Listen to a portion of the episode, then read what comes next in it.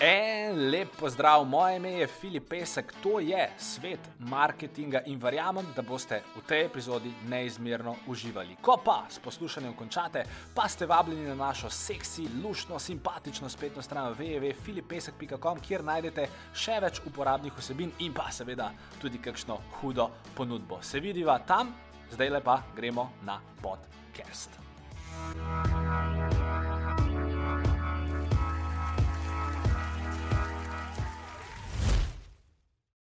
Uh, Tina, kako si?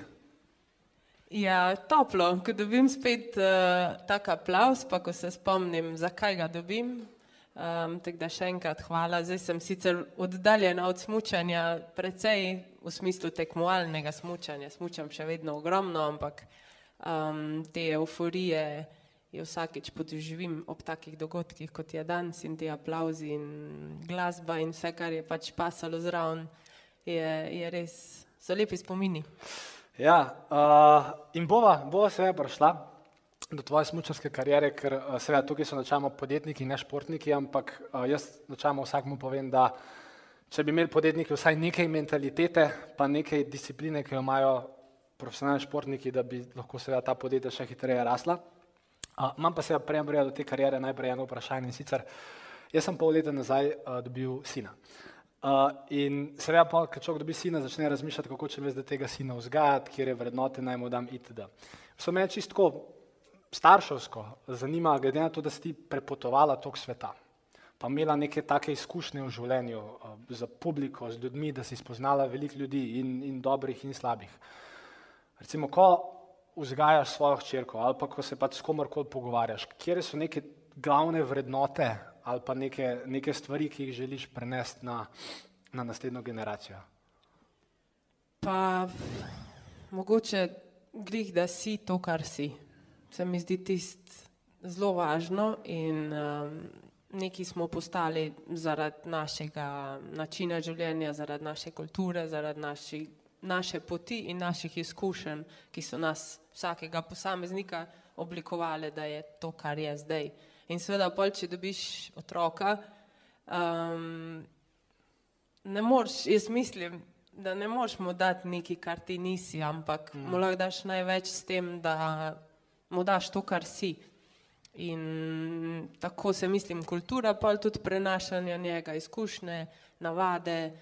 Um, normalno je, da eden iz Slovenije ima določene navade v primerjavi z, ne vem, bom rekla, iz, iz Grčije drugačne imamo. Že podnebje samo nas v bistvu kali, eh, določene pogoje imamo, ki tukaj jih nimajo, naprimer v Grčiji, zdaj sam en primer, ampak. Um, torej to, kar si. To, kar si, to, kar te veseli, ker tisto, kar te veseli, po moje, um, je lepo predajati um, in tako se širi pol enostavno našim malim kopijam, to, kar smo mi zdaj.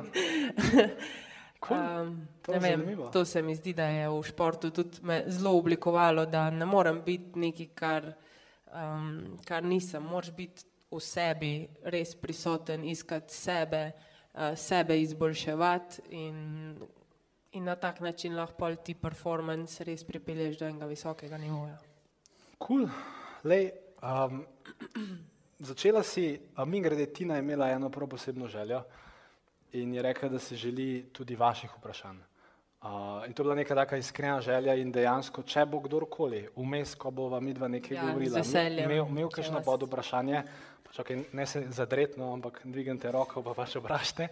Uh, ampak ja, bom tudi pol naredil še par pauze za ta vprašanja, ampak se pravim, če v karkoli tazga, pač pod vprašanje, prosim vprašajte, bo Tina z veseljem odgovorila. Uh, ampak zdaj grem jaz hitro naprej, da lahko jaz kaj vprašam. Um, Tina, uh, zgodba tvoja se je začela v Črni na Koroškem, vasica 3000 ljudi. Uh, nekje sem prebral, da si zaradi prevoza se mogla ustajati ob 4 zjutraj, da si prišla do vrca.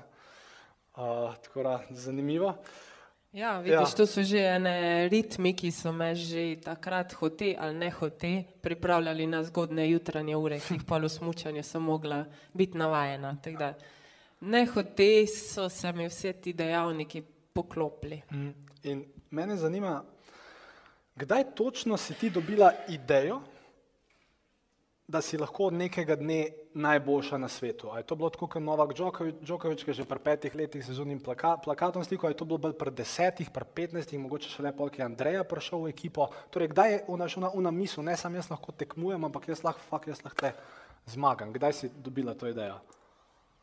Ideja je bila v bistvu že v šoli, ko sem že? bila majhna, ko sem gledala Alberto Tombo, da kako je fajn zmagati. A, okay. Ali pa ko sem videla recimo Mitja Kunc, ki je prišel črno na Koroškem, ko ni zmagal, ampak italijani rečejo, je zmagal kolajno.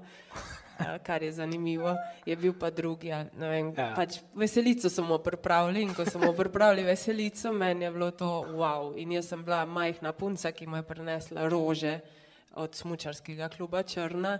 In to je ta tradicija, o kateri govorim, ki se prenaša pol na mlade. In takrat sem si jaz zaželela, v bistvu, da zakaj ne bi bila jaz naslednja, kateri bojo pripravljali zabave. zabave. To je bilo prva stvar, da bom jaz videla ljudi in osrečevala ljudi in se zabavala skupaj z njimi. Vse zabava je, je, je, je prav. Ampak potem v športu ni zabavno, vedno je zabavno, potem ko zmagaš, pride zmage. Um, in imeti to mentaliteto, ne da želim si zmagati, ampak jaz sem najboljša, to je bil za mene res ogromen preskok, ki se je naredil mogoče potem z Andrejo, ker on um, me je v tem smislu zelo spremenil, ker sem bila dosti dobra smučarka sem bila, vedno sem tudi zmagovala, ampak nisem zmagovala eno za drugo. In to je velikanska razlika bila. In dati si to v glavo, da sem najboljša, rabiš ogromno poguma, uh, si vse čas izpostavljen, um, odgovornost moš ogromno prevzeti na sebe, ker si pač zgled in je odgovornost velika. In uh, zmagovati meni je bilo zelo težko, moram reči, ker smo in izhajam iz okolja, ki je bolj, uh, vsega poznate tudi vi, je bolj biti pridn, pa nekaj vmes, kot pa nekaj stopati. Uh, vsaj tako je bilo, mislim, da smo s časom to spremenili um, in športnimi uspehi in z drugimi. Tako da ta prestop prav da sem najboljša in da lahko v bistvu premagam najboljšo na svetu, ki je bila v tistem trenutku Lindsay Von, je bilo za mene nekaj norega prvo. Ampak potem postopoma z treningi, z neskončnimi pri, prepričevanji, da jaz to zmorem in nam je uspelo. Ja ampak sem se soočala z strahovi vsak dan, na vsakem koraku in je bilo kar trdo delo. Uh, ne, mislim, velikrat rečeš, da bi lahko svojo kariero delila na dva dela. Nekaj je bilo pred letom 2008, nekaj je bilo po letu 2008. In seveda bo prišla tudi do Andreje, pa do teh treningov k malu. Si pa že večkrat povedala, da v bistvu preden ste šli na svoje, si bila celo na točki, ko si želela, želela končati kariero. In v bistvu, a nam lahko poveš malo več o, o tem obdobju? Ja, v bistvu je obdobje, ki do neke meje je bilo v redu delovati pod okviru Smučarske zveze. Ampak potem, ko sem jaz nekako čutila potrebo, da se jaz drugače razvijam in um, da na Smučarski zvezi enostavno ne poslušajo mojih idej in da pač tam je, kot je, če sprejmeš to v redu, če ne sprejmeš, pač boš, da, vem, da pač nisi tam. Mm. In takrat se je meni res, uh, v bistvu v smučanju sem bila že, že takrat, ker sem zelo nazadovala in tisto sezono je bila odločilna, se odločim, kam grem, a grem. V bistvu nismo imeli rešitve, no. zgubljena sem bila totalno, mm. ker nisem videla te poti, da lahko imamo privatno ekipo. In tisto leto prvo fizično sem bila dol, posledično tudi psihično. Um, edina svetla luč, ki sem jo videla, je ta, da zboljšam fizično, psihofizično stanje, itak grejo usporedno, da izboljšam to in edini, ki me je v tem smislu v moji karieri že preden, da sva bila skupaj, pripravo je bil Andreja. In um, zato sem si tisto leto želela nadaljevati delo z njim, kar se kondicije tiče, da začnemo pri bazi, ki je vedno kondicija. In, uh, in potem skozi to nam je neko prišla potem ideja, da bi naredili ekipo svojo in smo se odločili, da gremo na svoje, pre, mimo zveze, se, kar se pravi, smo mogli poiskati sredstva, avto, ki je bila naj, najvažnejša stvar. Takrat nam je pomagal avtojarc. Spomnim se, da je bilo to najvažnejše sredstvo, ki smo ga potrebovali, da smo šli lahko okoli. Andreja, jaz in serviser, serviser je tisti, ki skrbi za smoči. In smo bili trije praktično v ekipi, ki smo potovali in naredili celo prvo sezono. Z minimalnim budžetom, Andrej je tisto sezono delal za stojn, je rekel, če, če gremo v to, jaz eno leto delam za stojn in me bo že potem, verjetno samo še dan zdolžna, kaj bo rekel. Ja. um, ampak, ko dobiš take ljudi, ko vidiš, da tako verjamejo v tebe, potem smo res vse naše, so našo, tudi jaz, vse sem stavila na to, vsak dan res, vsak korak je bil usmerjen v to, da bomo uspeli. In imeti ob sebi ljudi, s katerimi želiš ti delati, to je bilo meni najlepša stvar na svetu, ker smo ustvarili noter tako energijo, um, pa ne govorim samo med nama, med nama je bila že energija, ampak uh, tudi ostali potem, ki so se bližali, je stvar bila bistveno bolj na osebnem nivoju, bistveno bolj družinska, posledično pa pripadnost temu večja. In ko nekdo se čuti pripadnega eni ekipi, ko čuti, da je to tisto, za kar dela vsak dan, dela boljše. Okay. Fajn, ama drugo kakšno vprašanje za Tino? Povej, reč. Živijo.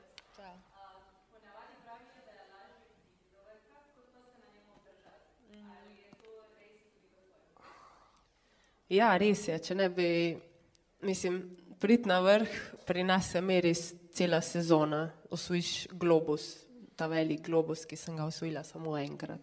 Tako da obdržati se na vrhu, tega mi ni uspelo nikoli, ker naslednjo leto sem bila druga. In je težko.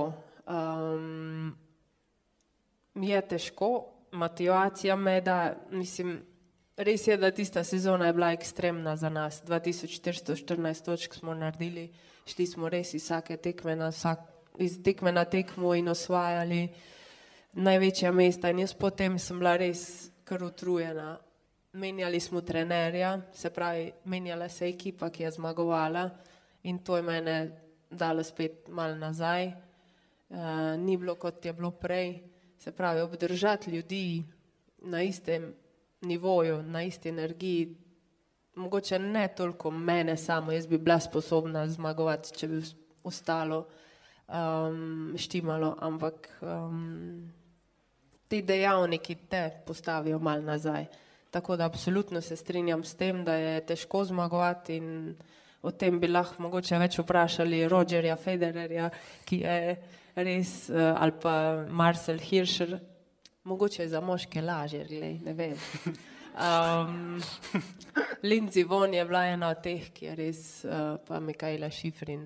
Ampak to so punce, ki so že od majhnega ven imele, niso imele takšne težave v pripravi tekem, so imele že na voljo bistveno boljše sredstva, bistveno več trenerjev in so že od mladih let ven imele totalno podporo, ki je pač mi je nismo imeli in zaradi tega večje, več, več energije gre v, druge, v drugo smer.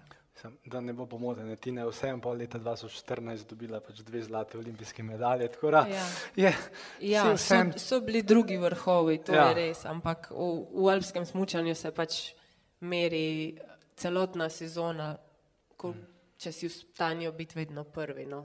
Um, res je, ena sezona sem res bila non-stop na stopničkah, ampak ena sezona, zdaj rečem, jaz je premalo. uh, ampak, ja. Miša, boj. Živijo.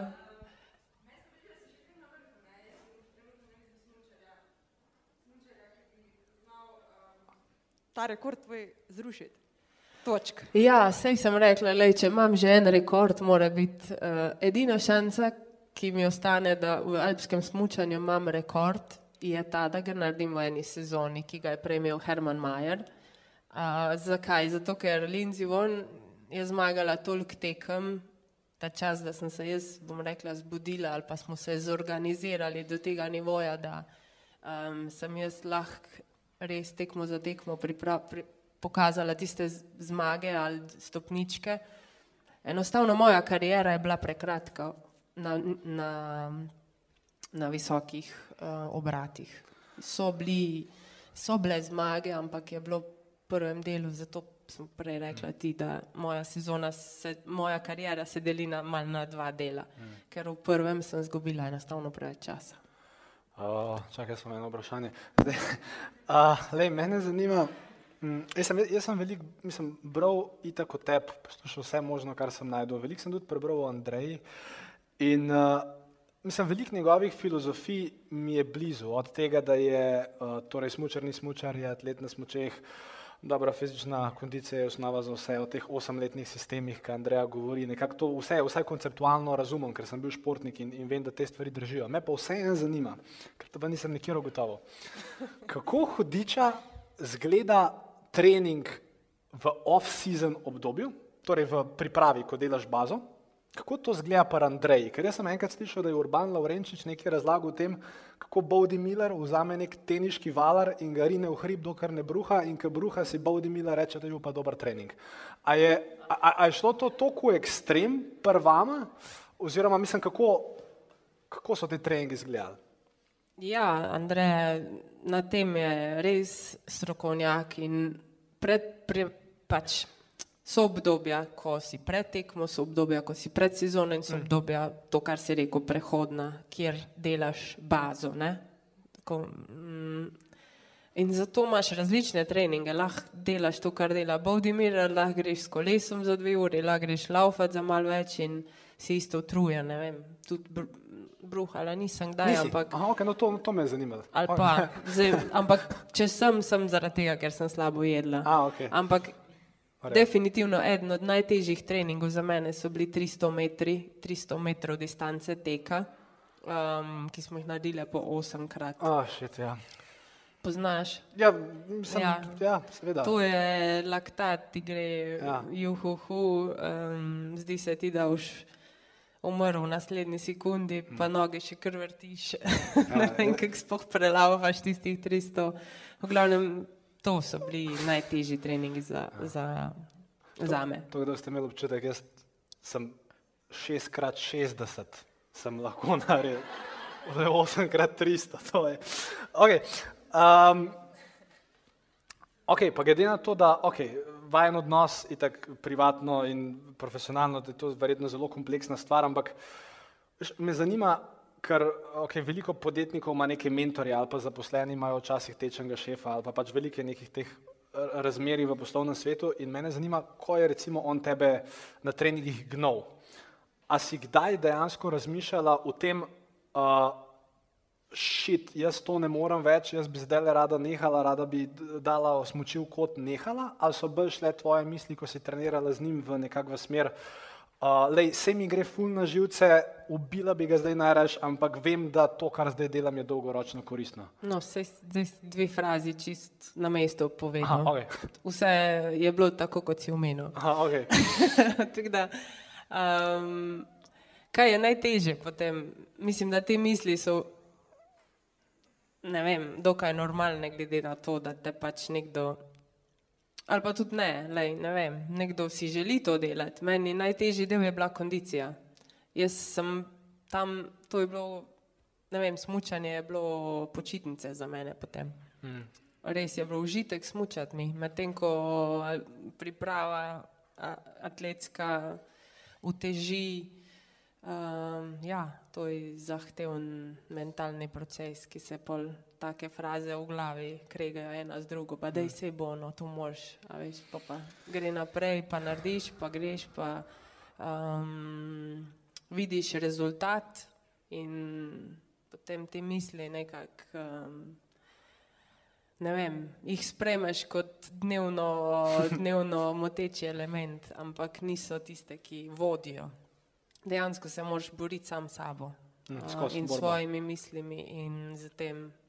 Uh, Andrej pač ve, kaj moraš narediti, veš, ve, skozi kakšne procese moraš iti, ima znanje za to in v tem smislu sem jaz absolutno verjela. Drugo je pa pol, kot ti reče, naredi to. Um, in tam se pol pač kregaš sam s sabo, a boš zmogel ali ne. Ampak mislim, si, si pa verjela že od štarta, da, da pač, mislim, če boš pregurala čez, da bo to nekako funkcioniralo. Si mu pa zaupala, mislim, Zaupala samo zato, kaj se je zgodilo z nami. Jaz sem imela, um, koliko sem bila stara? Čau, Masi, mi pomagaš? Tako prvo tekmo v Sldnu. 18. 2000. 18, ja. Ja. V glavnem, mlada punca, ki je želela si zmagati v svetovnem pokalu, tisto sezono je bil Andreja prvič v reprezentanci. Uh, tam, tam so bile Alen, uh, Alenka Dožan, Špela Pretna, Ruška Hrovat in jaz sem bila ta mlada, ki je um, prihajala v zadnji in dobro smučala. In Andreja nas je pač tisto poletje vodil skozi atletsko pripravo. In v Sldno, kjer je, ko je prva tekma, kaj je oktober, je zmagam. Uh, se pravi, njegova prva sezona atletske priprave, pride tekma, jaz zmagam. Se pravi, že to je bil en. Pa spomnim se točno, kaj smo delali dan prej. Uh, bili smo v fitnessu, rekel je, dvigni toliko, pa toliko teži, pa sem rekla, če je nor, da jaz tega pač ne morem. In kaj zdaj se smim, zato ker um, jasno, kot je en da tisto trmasta, pa sem, ne, jaz hočem tisto dvigant, če mi ne en da, ne bo zdaj on mi dal neki, pa jaz pa ne bom mogla narediti. In v tem smislu smo skozi mal imeli dvoboja, boš ali ne boš. In jaz tiste oteži enostavno nisem mogla dvigniti, ampak um, ni bilo važno, ali sem jaz dvignila ali ne, bilo je važno, koliko sem se jaz, um, koliko te to zživcira, ne, koliko te to stresira, koliko si pod stresom. In v bistvu trening je stres. In pač trener ti stres mora povzročati, če ne se ne izboljšaš. Verjetno je v poslu isto. Ne? Tako da stres je del treninga in je prav, da je, ker če ne, Ne rasteš. Ja. ne rasteš. Okej. Um, Mora pa znati tudi trener, pol, ko pa ni stres, pač to zna Andreja tudi, da ga ni. Je bil tudi v stanju mi reči, da danes ne delamo nič. In sem rekla, kako, kaj pa je to. Meni se je najtežji dan, poleg teh, da sem mogla oteži dvigovati, je bilo to, da ne delam nič. Ker delati nič, ma nič, je bilo čudno meni, ker mi smo delavni narod, jaz sem navajena vedno nekaj delati. In ker nekaj je bilo čudno, prazno. Ampak to je tudi stvar, mislim, da trenerja, ki mora znati dozirati, mm. koliko dati in koliko ne. In v bistvu, ja, te stvari mm, so pokazatelj, da ena oseba zna delati. Mm. Enostavno. Ne glede na najn odnos, ne glede na to, kaj je, kaj ni. In eh, za športnike, Andreja, vedno, ne samo za mene, ampak tudi za druge, eh, ogromno naredil in ga imajo vsi radi od A do Ž. In ja. Bravo, Dajmo Masi. aplauz za Andreja Masija, tam za zadaj njega. je.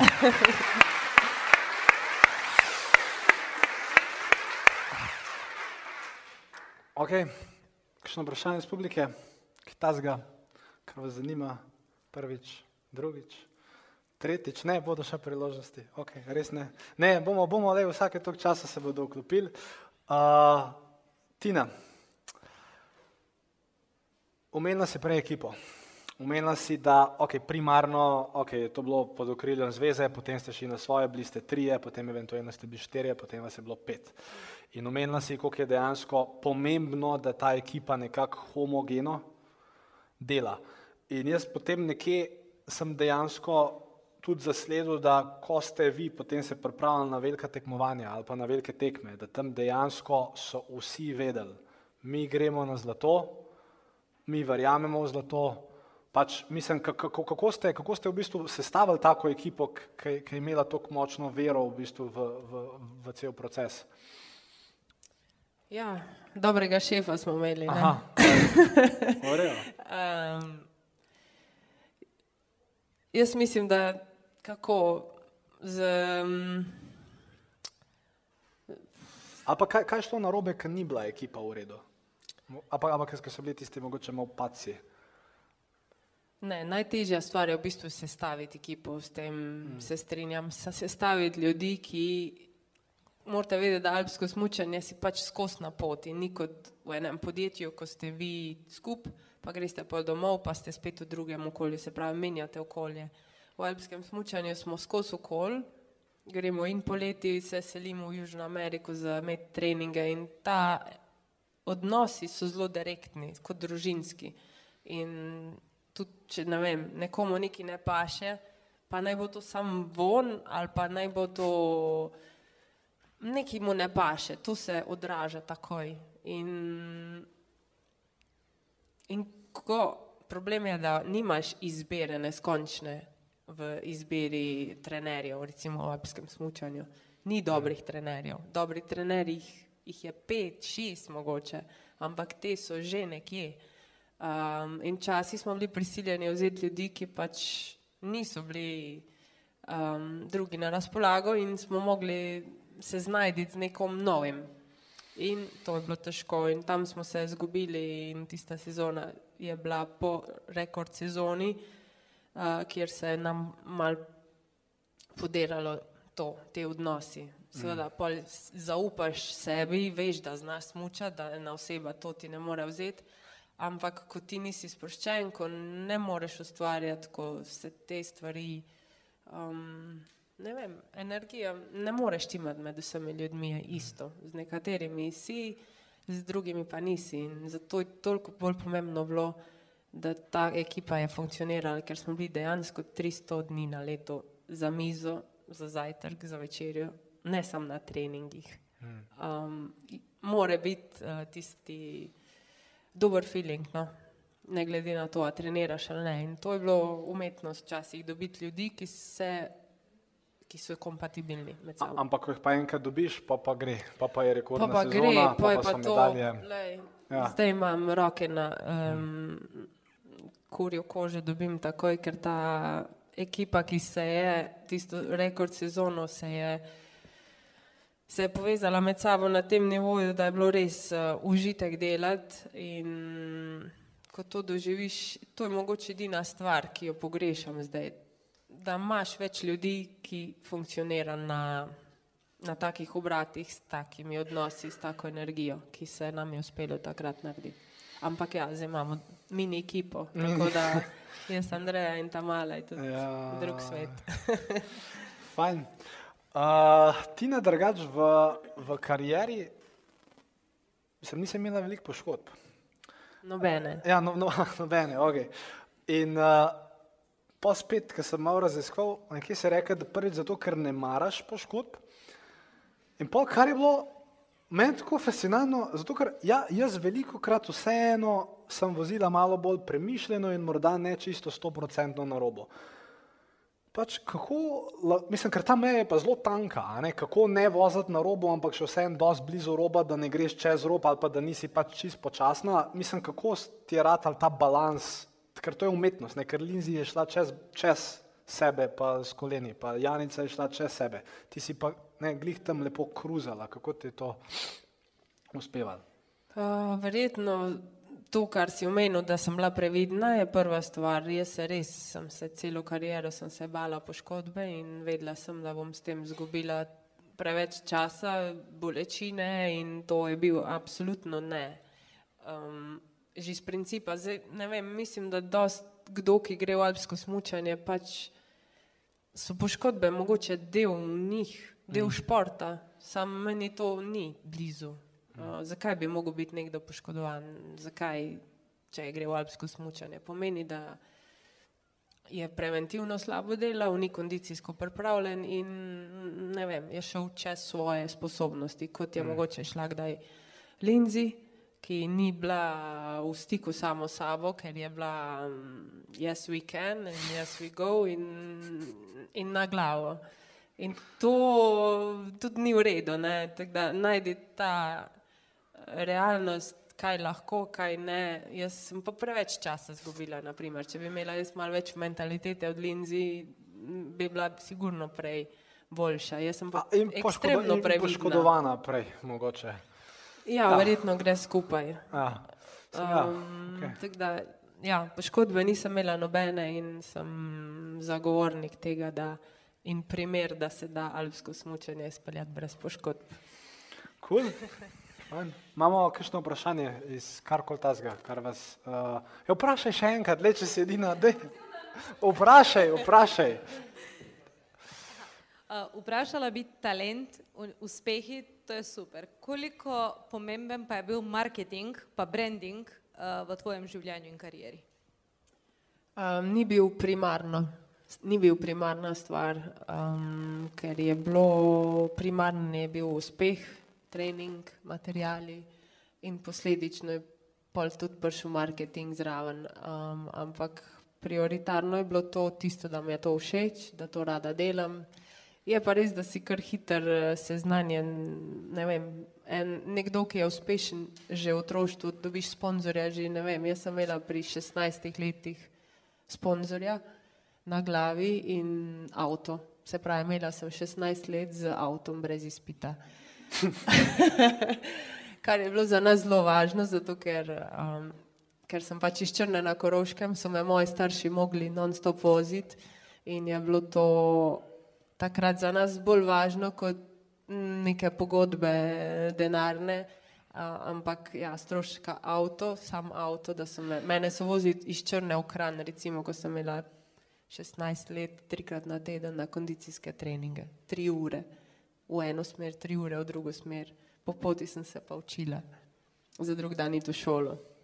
Tako da, um, marketing je bil posledica uspeha, rečemo temu. Tudi potem, ko smo imeli ekipo, um, je bilo, bi ful rabili več podpore in pomoči na tem področju, ampak nekako ekipa se je zaprl krog z nas pet in kar smo lahko delali mi, kar je lahko delal Andreja, bil je v stiku z novinarji, direktno on in te stvari smo delali, kolikor smo se znajdli in koliko je zmogel dejansko Andreja. Mogoče tam bi rabili, mogoče nekoga ekstra, eksternega, ki bi nam mal več, mal večjo zgodbo naredil, ne vem, kar se tiče artiklov, hudijev, kap, tega sploh ni bilo pri nas, ker ni bilo Časa, ja. pa ljudi. Pa. energije. Ja, pa. ker smo imeli več dela z tem, da dobimo pod, pogoje. Um, in pol smo se fokusirali na, na rezultate. Dobro, vse, dokler mislim pač. Tako da tu, tam, tam sigurno bi lahko naredili bistveno več. No. Ok, kul vprašanje. Poj, Tamara.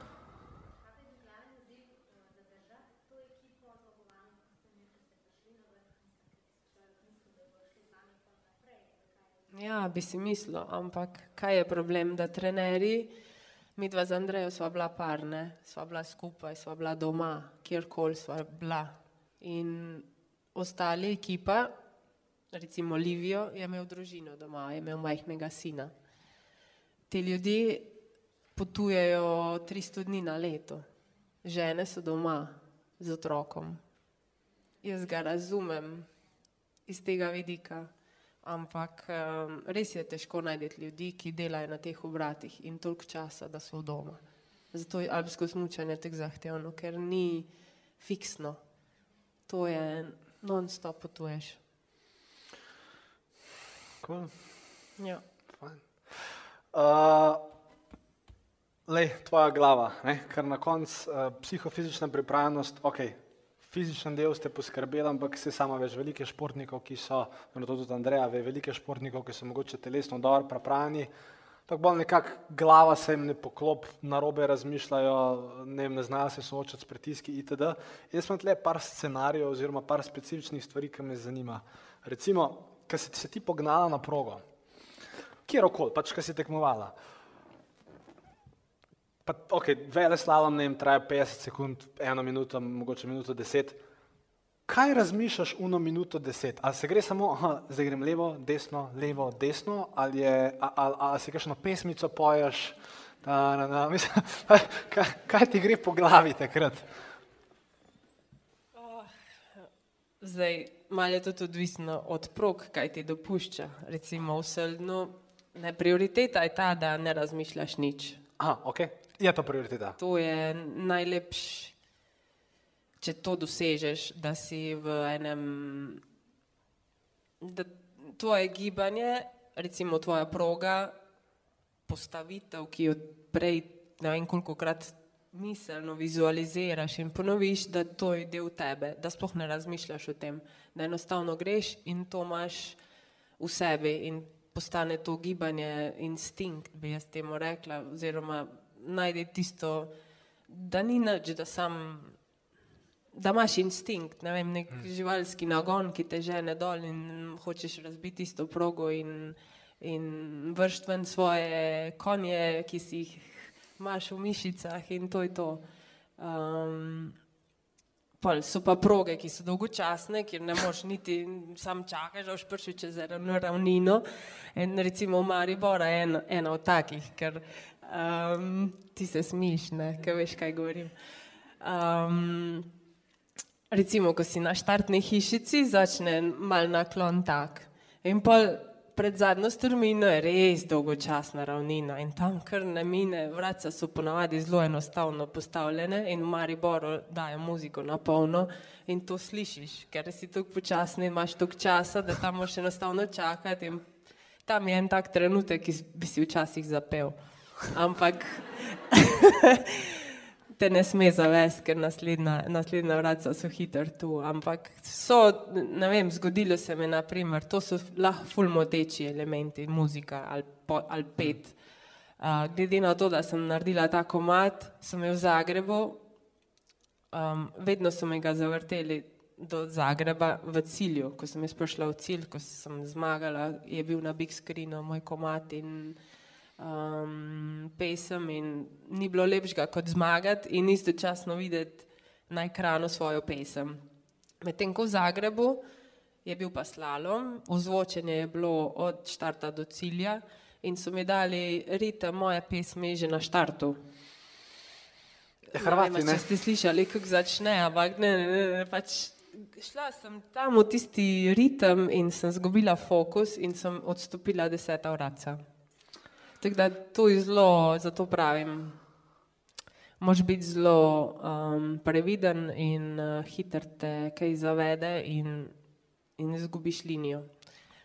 Um, tako da ja, to so izkušnje, napake, um, verjetno človeške, kaj se vem. Tak ja. Ja, ampak to je torej, v bistvu naj, torej cilj je bil biti v flovu in dejansko se samo prepustiti telesu, da naredi tisto, kar je že milijonkrat treniral. Ja, Ja. ja. pol tudi je odvisno malo discipline do discipline. Zdaj, smuk ponavljaš, imaš treninge, prej imaš tri treninge pred tekmo, tako da je to bistveno bolj naravno pride v tebe kot en super G, kjer moraš dejansko vizualizirati prej, vizualizirati hitrost, uh, vse grbine in super G je z tega vidika zares najtežja disciplina, ker imaš hitrost in dokaj zahtevni zavoji, ki ne veš, kako bojo, ker jih ne moreš probati, tako kot jih lahko smuku. Um, Medtem ko je le slalom, ne vem, to je bila moja v bistvu najboljša disciplina vedno in je bilo res važno, da se nekako vse detajle izpiliš prej, da tekma ni razmišljanje. Ok, en par zaključnih vprašanj imam. Uh, torej, to je bilo med, med progo. Kaj pa recimo Soči, olimpijske igre 2014, smuk. In ti si zdaj gor tam v štartni hišici, ne veš točno, koliko si imel številko, ampak ok, ene par smučark ali pa v njih testnih je bilo pred tabo in recimo pet minut je zdaj do trenutka, ko more Tina na progo. Kaj pa je takrat v tvoji glavi? A, mislim, a, a, a smela kakšne samo gore, si se kaj ponavljala, ne vem, ok, jaz to lahko, jaz to zmorem, ali si šla čez progo, ali si spet probala biti čist neutralna. Ja, v bistvu, ko se ti dogajajo olimpijske igre, je bistveno večja intenzivnost, kar se tiče čustev, pričakovanj. mm, Ne vem, olimpijske igre so pač top um, tekmovanje in takrat moraš biti pri stvari. Problem je, da je to en dan. Če imaš eno, eno, eno mm, disciplino, je to en dan na štiri leta. Če imaš dve disciplini, sta to dva dneva na štiri leta. Jaz sem jih imela sicer že po pet, tako da iz tega vidika mi je bilo malo lažje sprejemati olimpijske igre kot take, kot pa da bi imela recimo sam en slalom. To, je, to bi bilo za mene, ne, mislim, že nisem karakter, ker v slalomu moraš biti uh, ekstremno živčen, hiter, reakcije morajo biti, pa jaz sem bolj umirjena oseba, rajši in imam vse pod kontrolo, kar je v slalomu uh, praktično nemogoče. In enostavno Soči, jaz sem podživela, v bistvu v Soči smo imeli štiri treninge prej, celo pet, smuka in sem to progo toliko vizualizirala, da pa ne sam kako gre, tudi čustveno. Recimo, jaz sem se v Sočiju en dan pred um, zmago videla, kako jo zmagam in sem se jokala. Dejansko sem to doživela in zaradi tega sem bila razbremenjena čustev naslednji dan. Medtem ko Dominik se je jokala tisti dan, Andreja je padel po tleh tisti dan. ne vem, uh, druga, provala sem, da na dan tekme, da nimam čustev. In to je kar pol um, hladno postane. Ne? Zdaj, ko razmišljam to, me je bolj všeč, recimo, te, ko je leto zmagala, ni zmagala, kaj je bila tretja, Gloria Kotnik, ko ni pričakovala in je se izbruhnila čustva ven tam. In ne vem, tam so pasale tja, jaz sem jih doživela dan prej sama. Um, Ampak je bilo važno zaradi tega, ker če tega ne bi doživela, bi mogoče drug dan, ne vem, se mi tresle noge ali pa ne bi verjela v to. Tako pa sem tako močno verjela, da sem že prej vse to doživela in vizualizirala. Kul, cool, imam še vprašanje? Ajde, reči.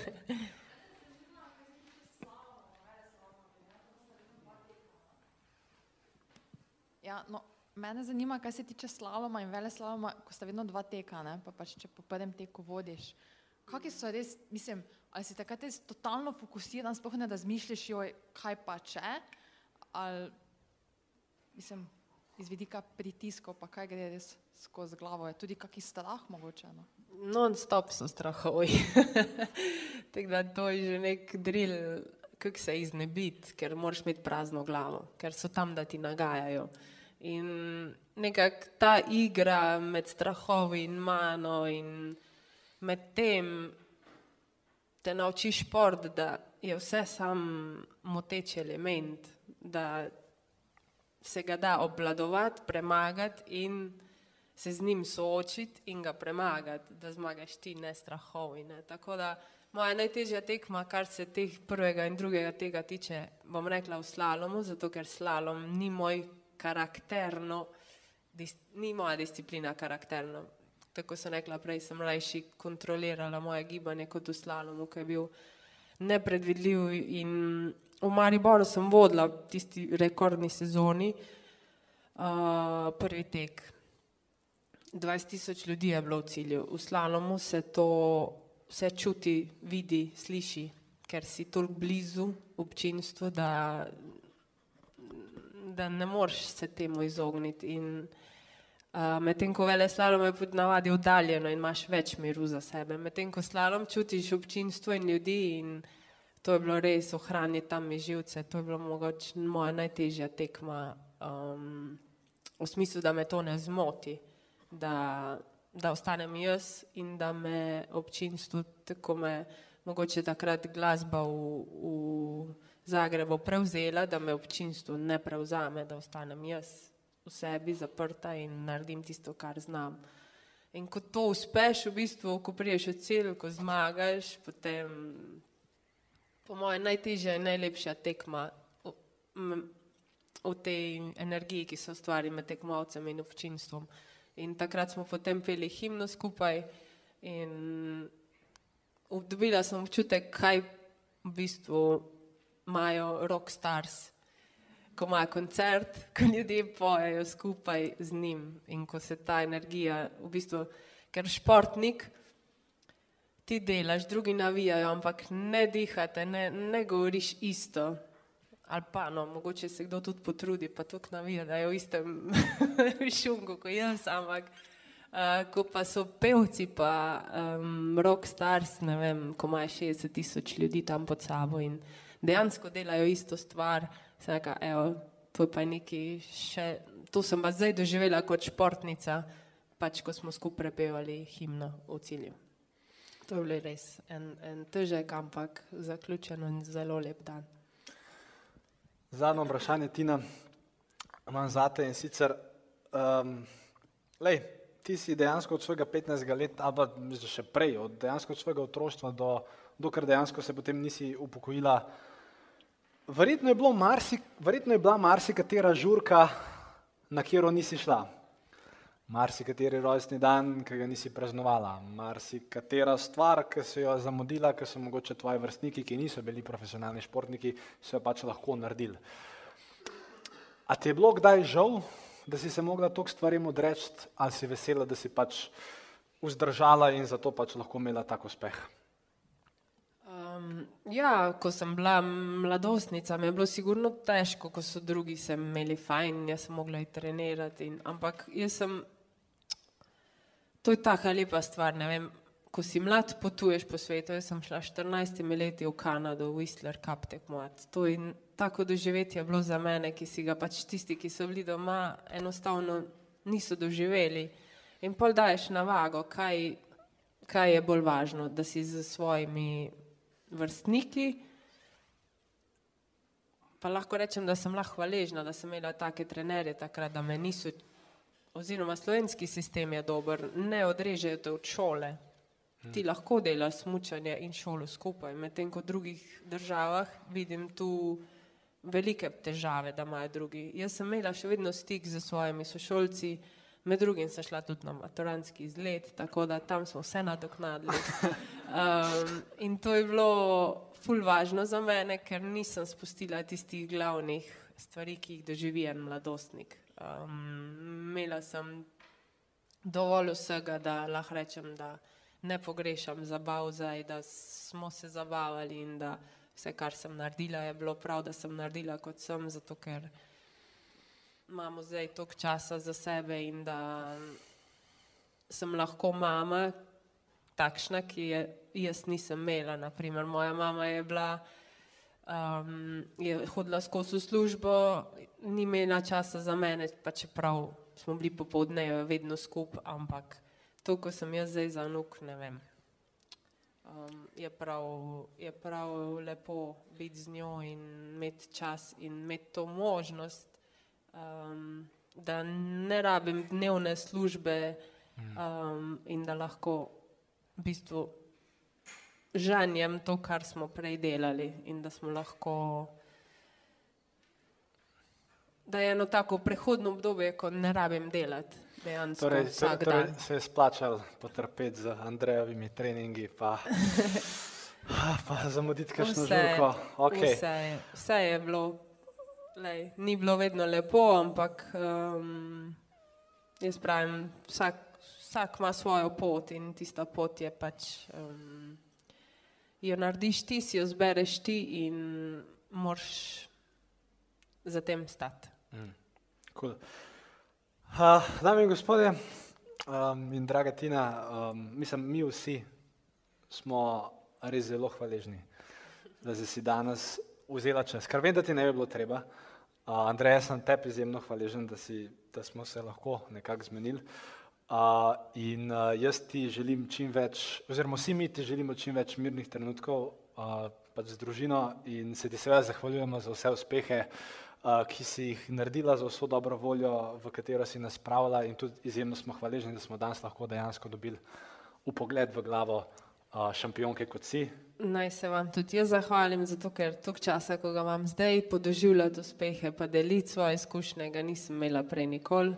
In uh, upam, da, ja, da, da ste dobili kaj, kar vam bo napolnilo dneve, pa tedne, pa mesece naprej. In vam želim tudi veliko uspeha, ker imate verjetno bolj stresne dneve od mojih. Dame in gospodje, en velik aplauz za Tino Maze.